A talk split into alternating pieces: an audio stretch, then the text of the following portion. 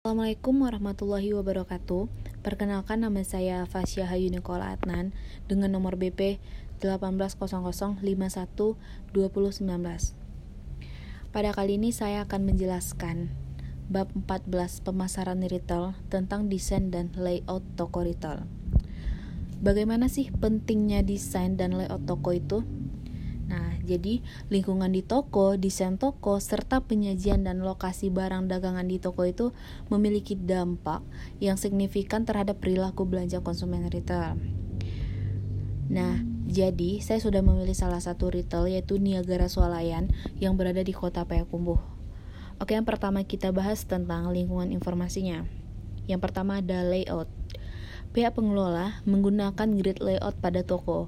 Ukuran ruangan memberikan kemudahan bagi konsumen dalam menjalankan kegiatan atau aktivitas di swalayan tersebut.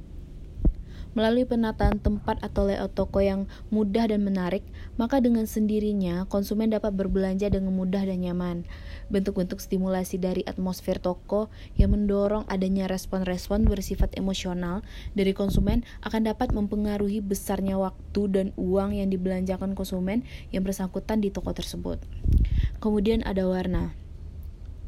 Warna pada ruangan Niagara Swalayan itu dicat uh, dengan warna putih karena warna putih adalah warna yang cerah dan terang sehingga produk yang dijual bisa terlihat jelas dan juga dipadukan dengan warna kuning dan warna merah.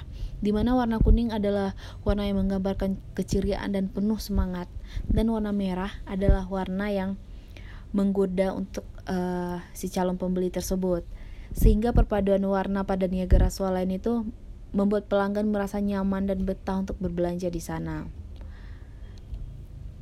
Oke, kemudian ada penempatan produk. Di Niagara Swalayan, penempatan produk itu dilakukan berdasarkan kelompok-kelompok tertentu. Untuk lantai bawah, bagian paling depan digunakan untuk menyimpan obat-obatan dan coklat-coklat. Kemudian di sebelah kiri, khusus untuk tempat buah-buahan dan minuman-minuman dingin. Serta di sebelahnya juga ada freezer untuk menyimpan frozen food. Di bagian tengah toko menyediakan berbagai makanan ringan dan snack-snack dan di belakangnya adalah rak untuk bahan pokok seperti beras, gula, minyak, kopi, teh, mie instan dan lain-lain. Lalu pada bagian sisi kanan terdapat rak yang berisikan pampers, peralatan bayi, sabun mandi, shampoo, sabun cuci, pembersih lantai, gundar gigi, dan deterjen lainnya. Kemudian pada bagian dekat kasir atau bagian di depan dekat kasir ada rak untuk meletakkan tisu-tisu dan kosmetik. Kemudian ada penyinaran.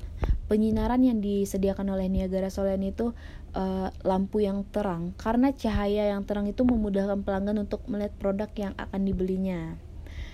Kemudian ada musik. Musik di Niagara Swalayan itu terkesan santai karena diharapkan dapat meningkatkan waktu belanja dan pengeluaran dibandingkan dengan musik yang bertempo cepat. Oke, kemudian ada pengaruh waktu. Ada saat-saat tertentu yang menunjukkan keramaian pada Niagara Swalayan ini, yaitu pada saat awal bulan. Misalnya saja, saat awal bulan itu rata-rata orang pada gajian. Nah, banyak yang belanja bulanan ke Niagara Swalayan tersebut, sehingga pada saat tersebut penjualan akan meningkat. Kemudian ada kesesakan. Keramaian pembeli biasanya terjadi saat ada promo-promo tertentu yang ditawarkan oleh Niagara Swalayan atau Niagara Swalayan memberikan promo sembako yang sudah dipaket-paketkan. Pada saat itu akan terjadi kesesakan di Niagara Swalayan tersebut. Kemudian temperatur. Temperatur di Niagara Swalayan tentu saja dingin karena membuat para pengunjung yang akan berbelanja itu menjadi betah di Niagara Swalayan tersebut. Dengan temperatur tersebut diharapkan pengunjung nyaman dan dapat berbelanja dengan nyaman. Oke, kemudian kita bahas tentang ketersediaan informasi.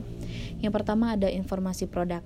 Informasi produk seperti letak produk, stok, harga, ketersediaan produk, dan lain-lain bisa ditanyakan langsung kepada karyawan Niagara Swalayan. Kemudian ada informasi harga.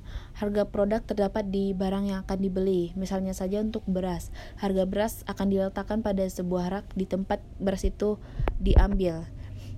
Selain itu, juga bisa ditanya kepada karyawan yang ada di sana. Nah, kemudian ini adalah kelebihan dan kelemahan penciptaan lingkungannya. Kelebihan penciptaan lingkungannya, dengan adanya penciptaan lingkungan pada Niagara Swalayan, sangat memudahkan konsumen atau pelanggan untuk mendapatkan barang yang dicarinya. Karena pada Niagara Swalayan itu desain tata letak produknya sudah diatur dengan sedemikian rupa dan memudahkan pelanggan mencari produknya. Kalau untuk kelemahannya, kelemahan atau kekurangan dari tata letak atau layout Niagara selain tersebut adalah meja kasir yang banyak, namun kasir yang aktif itu hanya satu atau dua saja. Dan pada bagian obat-obatan ditaruh pada etalase yang bagian depan, namun karyawan yang menjaga etalase tersebut tidak ada. Jadi saat kita akan mendesak untuk membeli obat, kita malah akan memanggil karyawannya dulu. Oke, yang terakhir ada kesimpulan.